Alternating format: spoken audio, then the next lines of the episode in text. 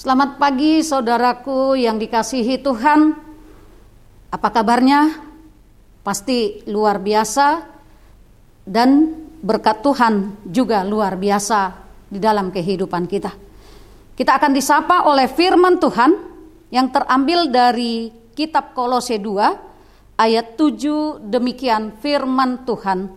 Hendaklah kamu berakar di dalam dia dan dibangun di atas dia Hendaklah kamu bertambah teguh dalam iman yang telah diajarkan kepadamu, dan hendaklah hatimu melimpah dengan syukur. Berakar di dalam Dia dan dibangun di atas Dia. Adapun yang dimaksudkan dengan berakar adalah berarti tertancap ke dalam tanah untuk mencari bahan makanan atau untuk mengokohkan dirinya menghadapi hantaman angin. Manusia berakar di dalam Yesus berarti kita memahami dan meneladani Yesus dalam hidup kita sebagai sumber kekuatan hidup kita. Kehidupan kita banyak mengalami hantaman angin dan hujan yang mungkin juga bisa menumbangkan kehidupan kita. Yang kedua, dikatakan adalah dibangun di atas Dia. Artinya, Yesus Kristus adalah fundasi tempat kita menancapkan segala pilar yang menopang kehidupan.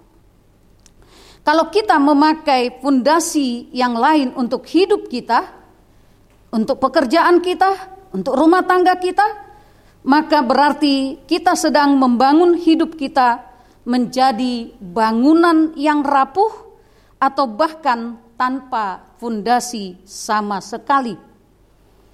Oleh karena itu, saudaraku, kalau kita dibangun di atas Dia, maka kita akan bisa bertambah teguh dan iman kita juga makin teguh. Sering sekali kita telah banyak diajari dan belajar tentang iman, tetapi hal itu hanya nyangkut di kepala saja sebagai pengetahuan. Kita tidak mengalami kebenaran iman itu tetapi kalau kita menanggapi dan melakukan ajaran firman Tuhan itu, maka berarti kita berakar dan dibangun di atas Dia, kita akan bertumbuh dan bertambah teguh. Oleh karena itulah, saudaraku yang terkasih, mari kita hidup berakar dan dibangun di atas Dia tanpa bersungut-sungut. Hal ini ditujukan oleh Paulus kepada jemaat yang sudah menerima Yesus. Jadi dengan ucapan syukur, dengan berlimpah kasih berarti sesuatu kita memiliki lebih dari apa yang kita butuhkan. Maka dari itulah kita anak-anak Allah diajari selalu mengucap syukur dalam hidup kita tanpa tergantung situasi dan kondisi. Makanya oleh firman Tuhan di kitab yang lain katakan mengucap syukurlah senantiasa baik atau tidak baik waktunya. Saudaraku, mari hidup di dalam Dia dan bertumbuh di dalam Dia beriman teguh dan selalulah bersyukur.